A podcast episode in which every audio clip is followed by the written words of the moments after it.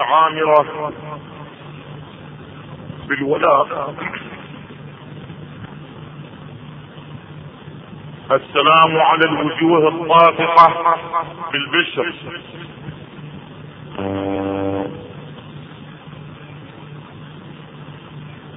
السلام عليكم يا سالكي خط الولاية.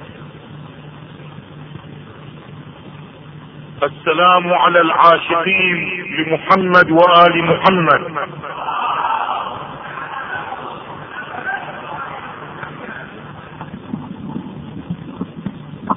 السلام عليكم جميعا ورحمة الله وبركاته. بسم الله الرحمن الرحيم. الحمد لله رب العالمين. والصلاة والسلام على سيدنا ونبينا خاتم الأنبياء والمرسلين محمد وآله الطاهرين.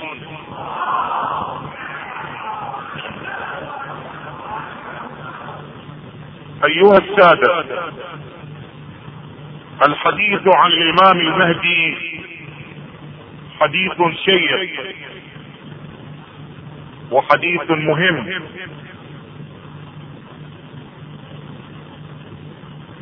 مشرف. ولماذا لا يكون الحديث عن الإمام المهدي لذيذا وشيقا؟ ونحن نقرأ عن النبي صلى الله عليه وآله أن الإمام المهدي حين يظهر يقسم المال صحاحا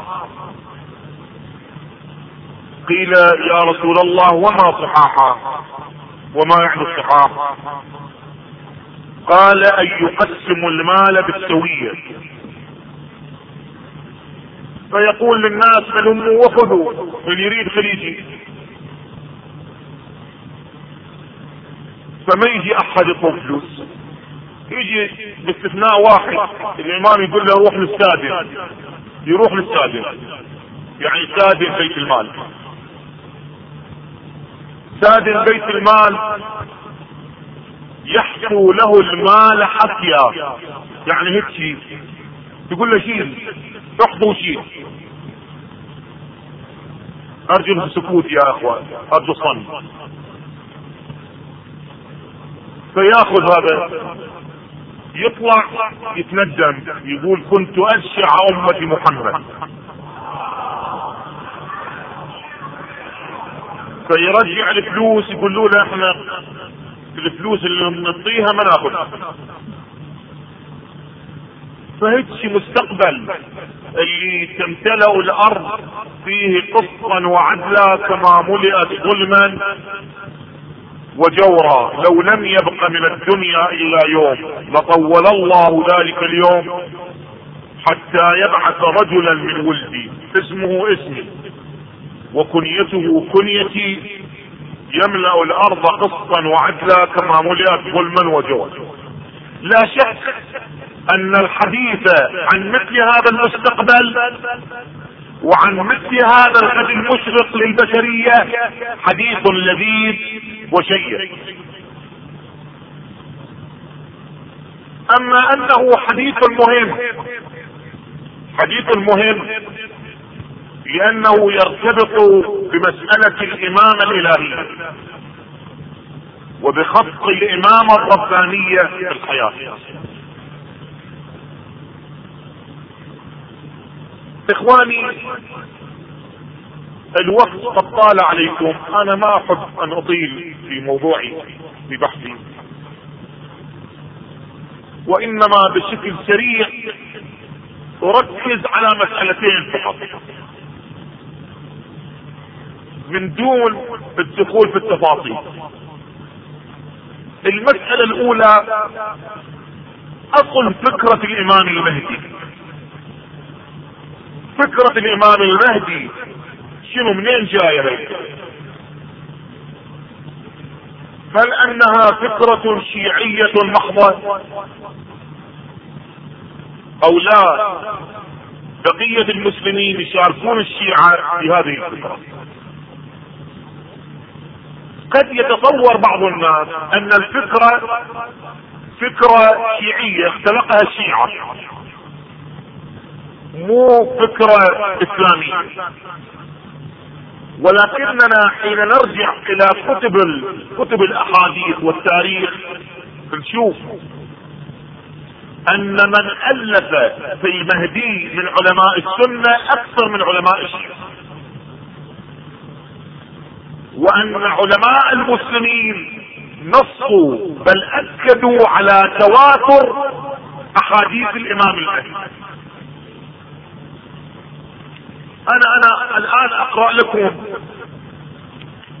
كلمات بعض العلماء الناصة على التواتر. قال ابن أبي الحديد المعتزلي في شرح النهج قد وقع اتفاق الفرق من المسلمين أجمعين على أن الدنيا والتكليف لا ينقضي إلا عليه. يعني عليه ها؟ على مهدي قد وقع اتفاق الفرق من المسلمين. وقال بعضهم في حاشيته على صحيح الترمذي قال الشيخ عبد الحق في اللمعات قد تظاهرت الأحاديث البالغة حتى التواتر في كون المهدي من أهل البيت من أولاد فاطمة. وقال الصبان في اسعاف الراغبين وقد تواترت الأخبار عن النبي صلى الله عليه وآله بخروج المهدي وأنه من أهل بيته وأنه يملأ الأرض عدلا. وقال الشبلنجي في نور الأبصار. تواتر الأخبار عن النبي أنه المهدي من أهل بيته وأنه يملأ الأرض عدلا. وقال ابن حجر في الصواعق قال أبو الحسن الإبري قد تواترت الأخبار واستفاضت بكثرة رواتها عن المصطفى بخروج المهدي وأنه من أهل بيته وأنه يملك سبع سنين وأنه يملأ الأرض عدلا وأنه يخرج مع عيسى فيساعده على قتل الدجال ببابل بأرض فلسطين. وأنه يؤم هذه الأمة فيصلي عيسى وراء وراء المهدي خلفا. وقال السيد أحمد ابن السيبدين دخلان أو دخلان مفتي الشافعية في الفتوحات الإسلامية. والأحاديث التي جاء فيها ذكر ظهور المهدي كثيرة متواترة. فيها ما هو الصحيح وفيها ما هو حسن وفيها ما هو ضعيف وهو الأكثر لكنها لكثرتها وكثرة مخرجيها يقوي بعضها بعضا حتى صارت تفيد القطع. لكن المقطوع به أنه لا بد من ظهوره وأنه من ولد فاطمة وأنه يملأ الأرض عدلا. نبه على ذلك العلامة السيد محمد بن رسول البرغنسي في آخر الإشاعة. وأما تحديد ظهوره بسنه معينه فلا يصح لأن ذلك غيب لا يعلمه إلا الله ولم يرد نص من الشارع. بالتحديد.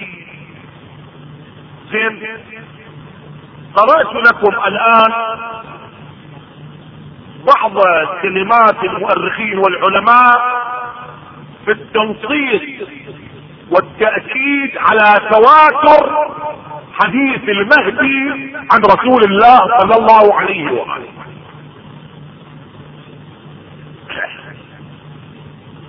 طبعا قلت لكم ما أريد أفصل كلمات أخرى موجودة تعرض عنها الآن. أقرأ لكم بعض الأحاديث.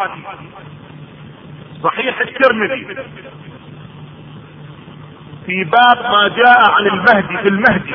حدثنا عبيد بن أسباب ابن محمد القرشي.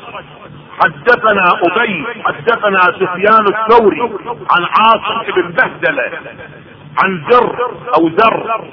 عن عبد الله. قال قال رسول الله صلى الله عليه وآله لا تذهب الدنيا حتى يملك العرب رجل من أهل بيتي. يواطئ اسمه اسمي. قال الترمذي وفي الباب عن علي وأبي سعيد وابن سلمة وأبي هريرة وهذا حديث حسن صحيح. صحيح الترمذي أيضا. حدثنا محمد بن بشار محمد بن جعفر شعبة. قال سمعت زيدا العنى قال سمعت أبا الصديق الناجي يحدث عن أبي سعيد الخدري. قال خشينا أن يكون بعد نبينا حدث فسألنا نبي الله. قال فقال إن في أمتي المهدي. يخرج يعيش خمسا أو سبعا أو تسعة زيد الشاب يعني مو النبي شاف في مدة حكم المهدي وإنما منو الشاف الراوي ما سمع عدل قال قلنا وما ذات قال سنين. قال فيجيء إليه الرجل فيقول يا مهدي أعطني أعطني. قال فيحكي له في ثوبه ما استطاع أن يحمله. قال هذا حديث حسن ورواه أحمد بن حنبل في مسنده عن أبي سعيد إلى آخره. صحيح أبي داود. حدثنا أحمد بن إبراهيم عبد الله بن جعفر الرقي أبو المليح الحسن بن عمرو عن زياد بن بيان عن علي بن نفيل عن سعيد بن المسيب عن أم سلمة قال سمعت رسول الله صلى الله عليه وآله يقول المهدي من عشرتي من ولد فاطمة.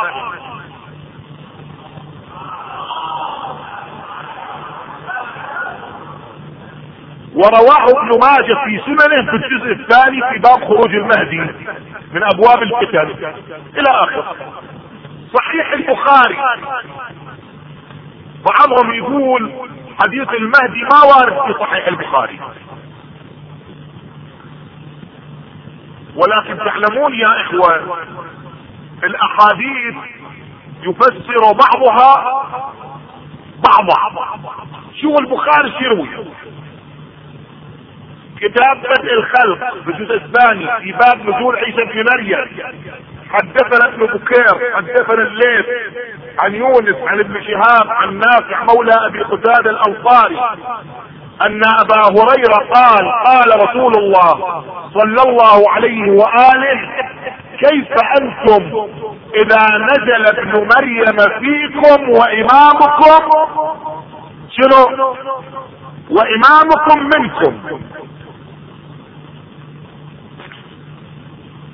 الروايات المتقدمة كانت تقول باللي قرأت عليكم وكلمات العلماء أن المهدي يؤم هذه الامة وأن عيسى يصلي شنو؟ خلفه. فحديث البخاري يفسر ذيك الأحاديث أو تفسره تلك الأحاديث. كيف بكم إذا نزل ابن مريم؟ كيف أنتم إذا نزل ابن مريم فيكم وإمامكم منكم يعني عيسى يصلي خلف المسجد زين هاي بعض الأحاديث عن فكرة الإمام المهدي أساس فكرة المهدي اذا إلى هنا نعرف الفكرة فكرة مو شيعية وإنما فكرة إسلامية ضرورية. فكرة المهدي في الإسلام مثل فكرة الصلاة والصوم. إذا واحد يقدر يذكر الصلاة في الإسلام ينكر شنو؟ ينكر المهدي إذا واحد يقدر يذكر الحج في الإسلام يقدر يذكر المهدي فكرة المهدي ثابتة في الإسلام مثل فكرة الصلاة والصوم. مو بس الأحاديث القرآن فسر أيضا بالامام المهدي. بسم الله الرحمن الرحيم. هو الذي أرسل رسوله بالهدى ودين الحق. شنو؟ ليظهره على الدين كله. فسرون الآية. شو تقول الآية؟ شو تريد تقول؟ تريد تقول الله بعث خاتم الأنبياء محمد بدين الإسلام كي ينتصر دين الإسلام على كافة الأديان والمذاهب. ليظهره على الدين صحيح ولا صريح القرآن. زين هذا هالشي يوم صار تاريخي وما صار. ما صار. النبي ما قدر يحقق نصر على كل المذاهب والأديان. لا النبي ولا من بعد النبي. اذا هذا اليوم لابد أن يتحقق في حياة البشرية. تجي الروايات المتواترة القطعية عن النبي تؤكد أن انتصار الإسلام سيكون انتصارا غيبيا وسوف لن يتحقق على إلا على يد ولد علي وفاطمة وولد رسول الله محمد المهدي الإمام الثاني عشر.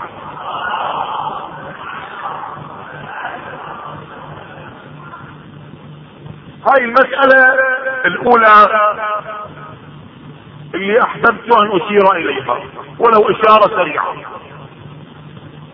المسألة الثانية صحيح الأمة الإسلامية متفقة على فكرة الإمام المهدي ولكن هناك اختلاف بين السنة وبين الشيعة. السنة يقولون بأن المهدي غير مولود وغير موجود. وسوف يوجد شنو؟ في المستقبل. يوم من الأيام يوجد يولد ويبقى. أما الشيعة شو يقولون؟ أنا بدي أوضح لكم لأن المجلس مختلف القطاعات موجودة فيه. الشيعة شو يقولون؟ الشيعة يقولون محمد المهدي هو الإمام محمد ابن الحسن عسكري المولود ليلة 15 شعبان سنة 255 هجرية في مدينة سامر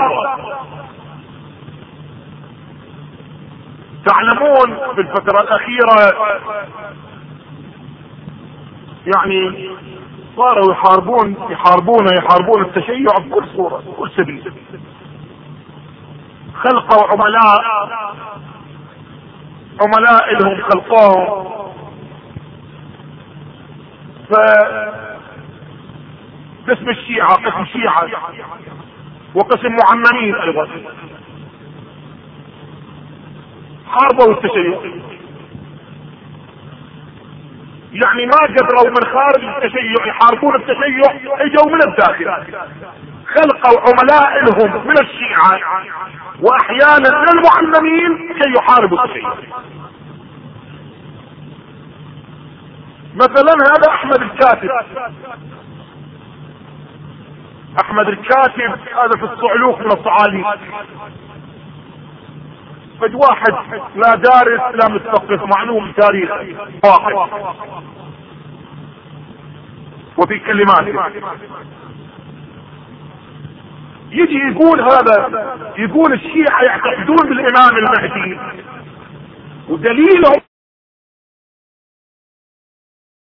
على المهدي النواب الأربعة. زين؟ النواب الأربعة فقة النواب الأربعة والنواب الأربعة مو معلوم صادقين. اتشربوا. زين. وفكرة الإمام المهدي. مو متفق عليها. وفلان اختلف ومن هالكلمات زين. إحنا نريد نتساءل. هاي عقيدتنا بالإمام المهدي. أن الإمام المهدي مولود ليلة 15 شعبان. والآن هو يعيش الساحة يعيش آمالنا والامنا لكن إحنا محرومين من الوصول إلى خدمته. والقيادة الحقيقية هي قيادة من؟ قيادة المهدي. والإمامة الحقيقية هي إمامة من؟ إمامة المهدي. العلماء إحنا مجبورين نلجأ لهم. ما عندنا ملجأ في زمن الغيبة. على حد تعبير بعض الفقهاء الرجوع إلى العلماء في هذا الزمان مثل أكل الميتة. وإلا إحنا الإمام المعين من قبل الله إلا منه؟ الإمام المهدي. مجبورين في زمن الغيبة حيث لا مرجع ولا ملجأ وقد حرمنا الظالمون من بركات المهدي مجبورين نلجأ للعلماء. وإلا القيادة الأولية بالذات أطيعوا الله وأطيعوا الرسول بعد وأولي الأمر أولي الأمر محمد وآل محمد.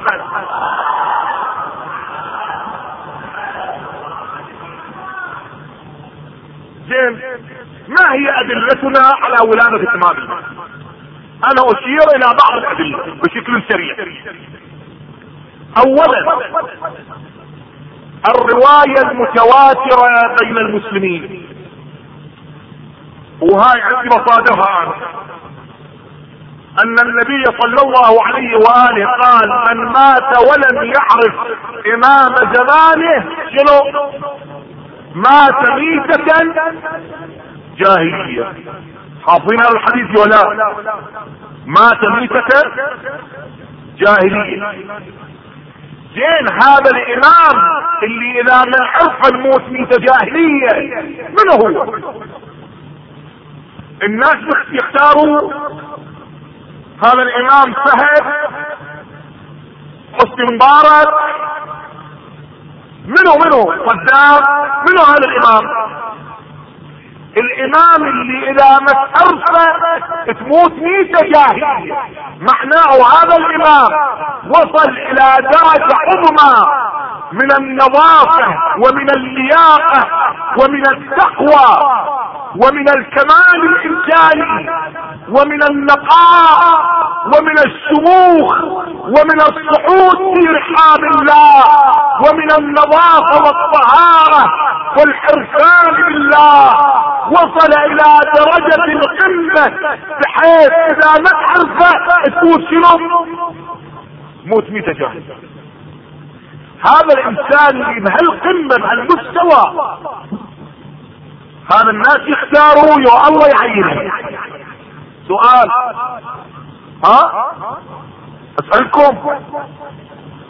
ما يمكن الناس يختاروا؟ هذا الإنسان اللي إذا من عرف الموت في جاهلية يكون الله يعينه.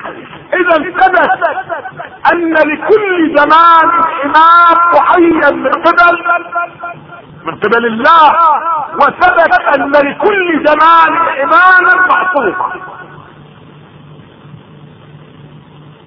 زين أنتوا اللي تنكرون المهدي.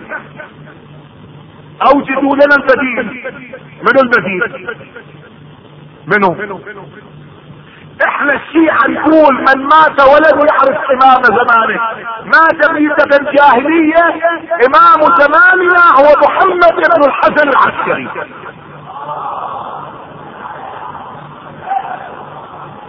أنتوا تقولون منو امامكم ماكو امام وقفت سفينة في المساء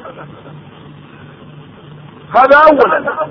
ثانيا حديث الثقلين المتواتر القطعي بين المسلمين.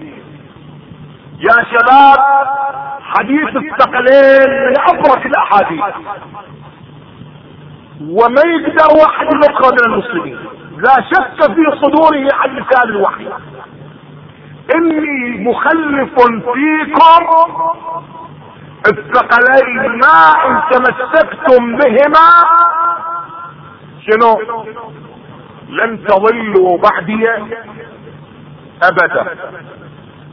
هذا الحديث يدل يدل على أن العترة معصومة صحيح ولا لأن النبي قرن العترة أيضا بالقرآن. القرآن معصوم والعترة أيضا معصومة. أنا ما أريد أفصل أكثر من هذا. يحتاج عدة محاضرات حول حديث الثقلين لكن اسمع التكملة لقول النبي. قال وإنهما لن يفترقا حتى يرثا علي الحوض. شنو يعني؟ يعني ما يفترقون إلى يوم القيامة. يعني إلى يوم القيامة القرآن موجود بعد منه موجود. العترة موجود. يا عترة يعني كل سيد نقدر نسميه من العترة لا. العترة الموجودة مع القرآن إلى يوم القيامة العترة شنو؟ العترة المعصومة صحيح ولا؟ لأن حديث الثقلين يؤكد على عصمة أهل البيت والعترة العترة المعصومة موجودة مع القرآن إلى يوم القيامة. وهذا معنى ما نعتقد بأن محمد المهدي موجود إلى أن يظهر قبل يوم القيامة.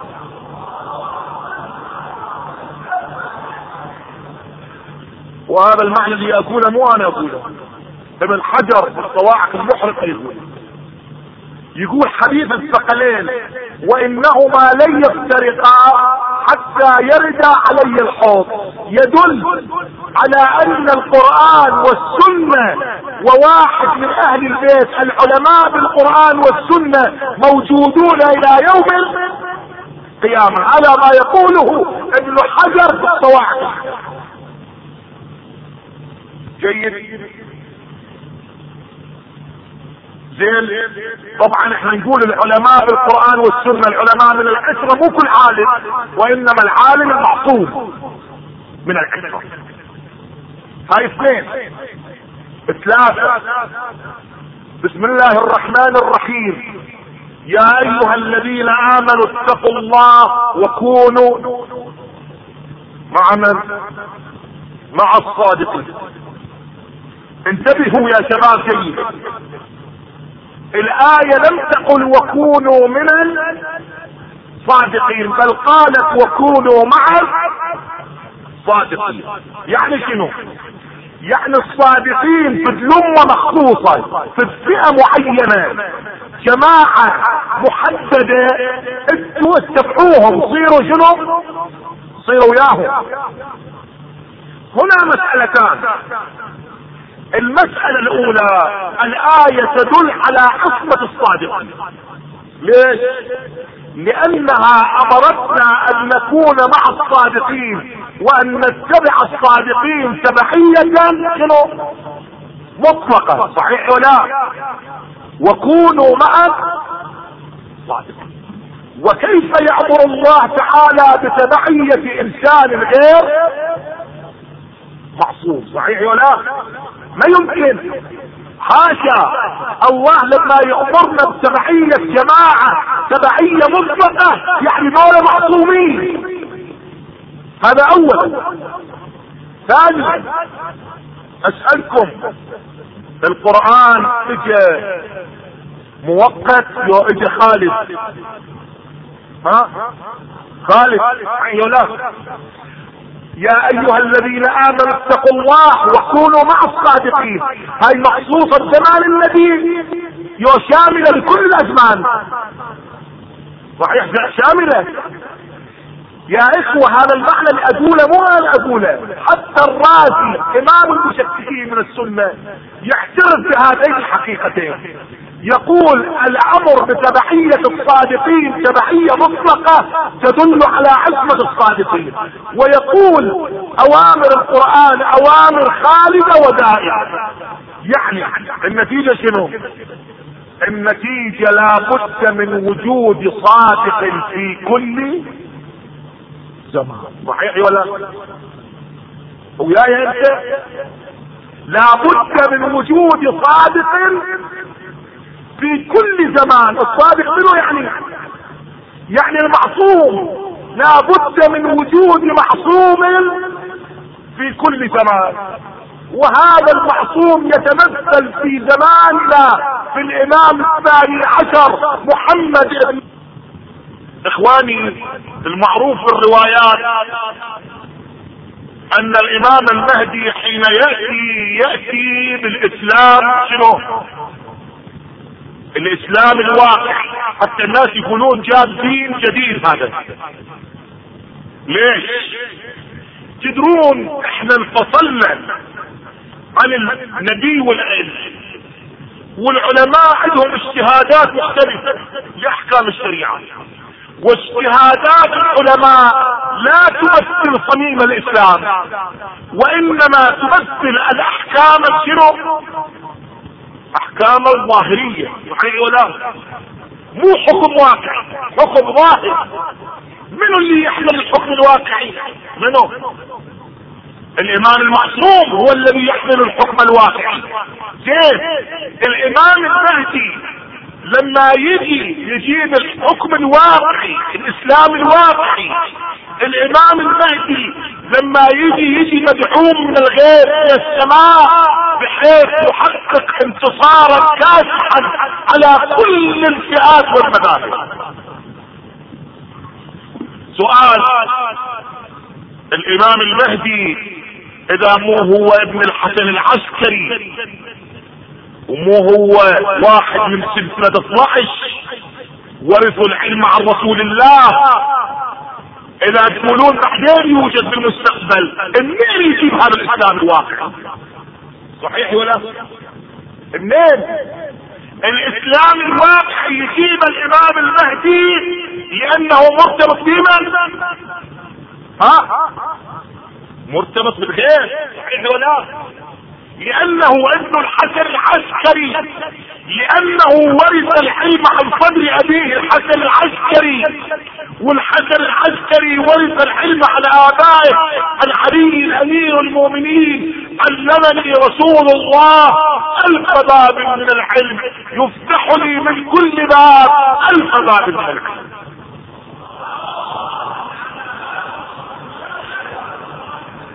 أنا مدينة العلم علي بابها هذا العلم من النبي العلم الواقع بالاسلام وصل إلى صدر المهدي سلام الله عليه. إذا تقولون المهدي ما مولود المهدي يولد منين يجيب الإسلام الواقع منين؟ هو مو نبي منين يجيب الإسلام الواقع فلا بد إذا قلنا بأن الإمام المهدي مدعوم من الغير ويأتي بالإسلام الواقعي منطقيا لا بد أن نقول بولادة الإمام المهدي وأنه ابن الحسن العسكري وأنه الإمام الثاني عشر من الأئمة المعصومين. سلام الله عليه هاي أربعة. خمسة. اتفاق الإمامية الشيعة قائم مع لفيف من علماء السنة على ولادة الإمام المهدي.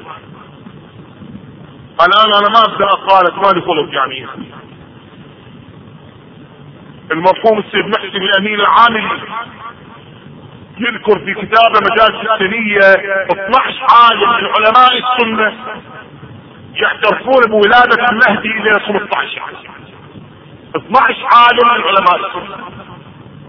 سماحة آية الله العظمى الشيخ لطف الله الصاف في كتابه منتخب الأثر يذكر 65 عالم عبر القرون.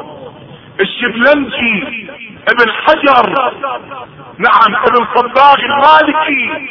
فلان وفلان 65 عالم يوافقون الشيعة على ولادة الإمام المهدي ليلة 15 شعبا بعد ذلك ماذا تقولون؟ شو يقولون؟ لماذا التشكيك ليش؟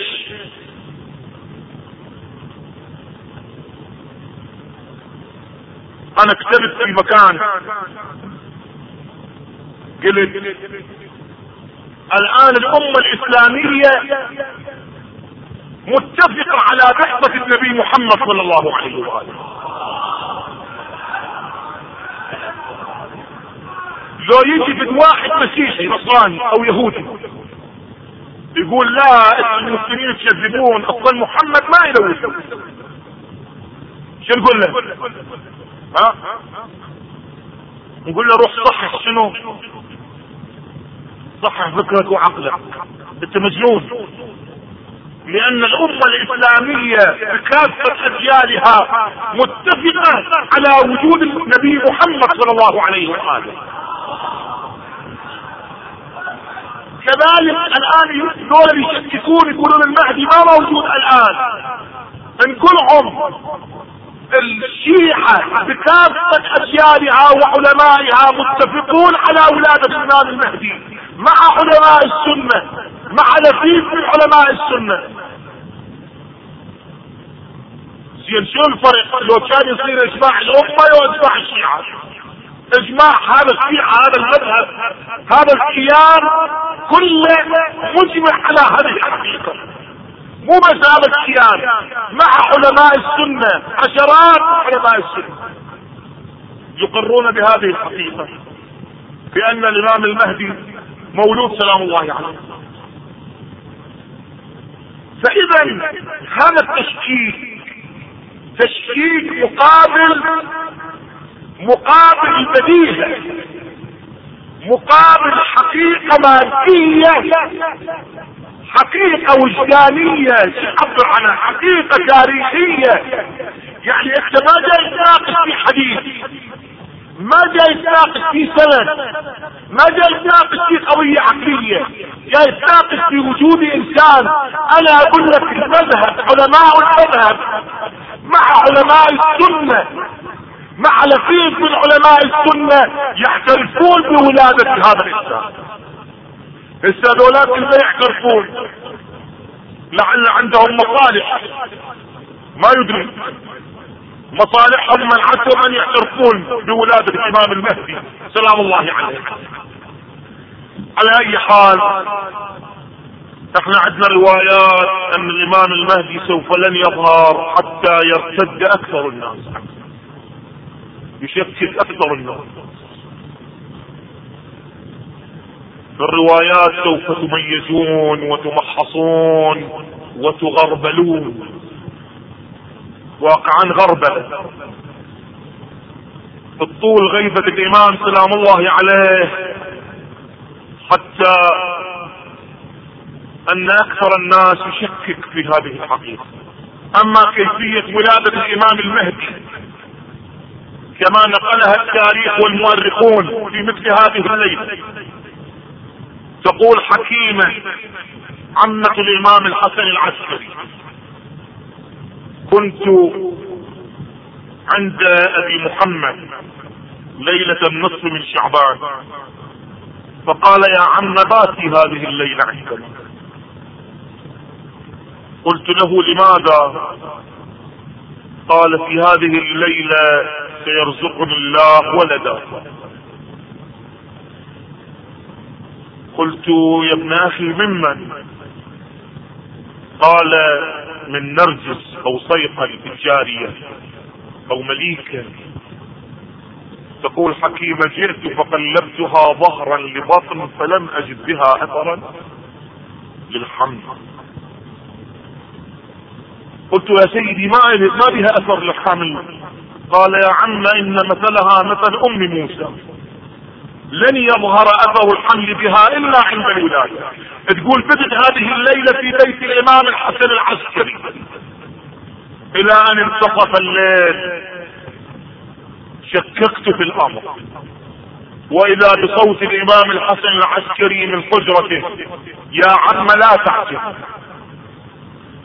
تقول حتى إذا قرب الفجر.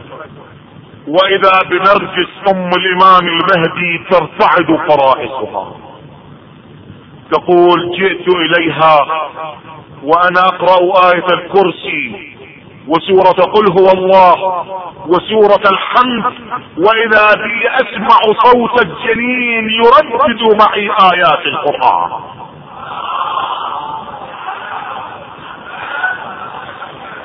تقول بين أنا كذلك إذ أضاء البيت بنور الإمام المهدي.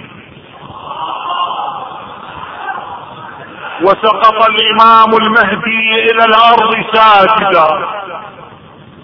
وهو يقول الحمد لله رب العالمين. فنادى الإمام العسكري يا عم ائتيني بولدي. تقول جئته بولده فأذن في أذنه اليمنى وأقام في اليسرى. ثم قال تكلم يا بني بإذن الله وإذا بالإمام المهدي ينطق وإذا بالوليد ينطق. بسم الله الرحمن الرحيم. ونريد أن نمن على الذين استضعفوا في الأرض ونجعلهم أئمة ونجعلهم الوارثين.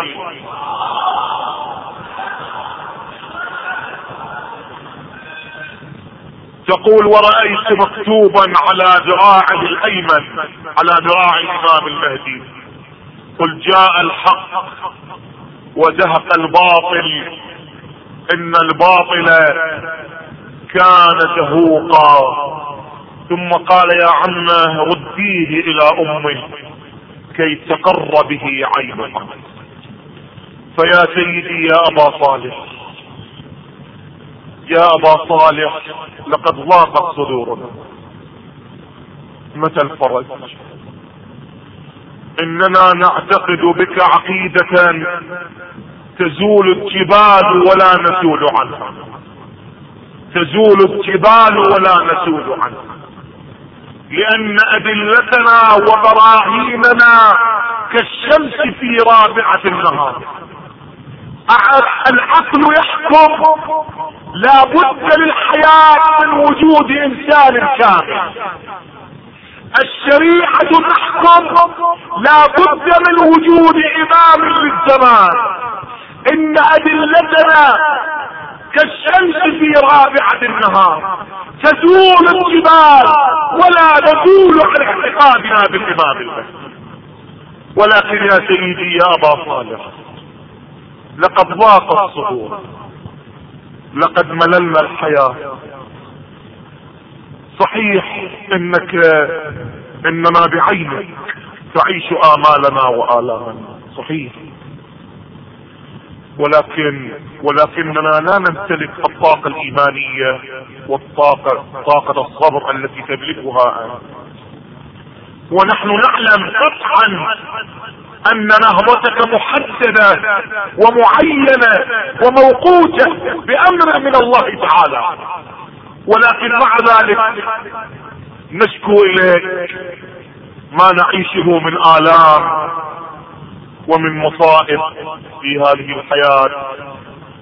وفي نفس الوقت نعتذر إليك يا أبا صالح لأننا في الحياة مجدنا فلانا زيدا وعمرا. لأننا في الحياة خدمنا زيدا وعمرا. وكان الجدير أن يكون المدح لك وحدك.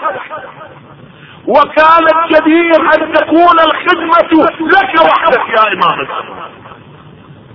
ولكننا ولكننا خنا وغدرنا لأننا خدمنا سواك. ولأننا مدحنا سواك. فيا سيدي يا أبا صالح نسألك أن تبعث لنا ببركاتك ودعواتك الطاهرة ونسألك أن تمنحنا البركة في هذه الليلة للثبات على العقيدة ولحل المشاكل ولكي نكون جدودا اوفياء تحت لوائك المقدس. وآخر دعوانا أن الحمد لله رب العالمين. والسلام عليكم ورحمة الله وبركاته.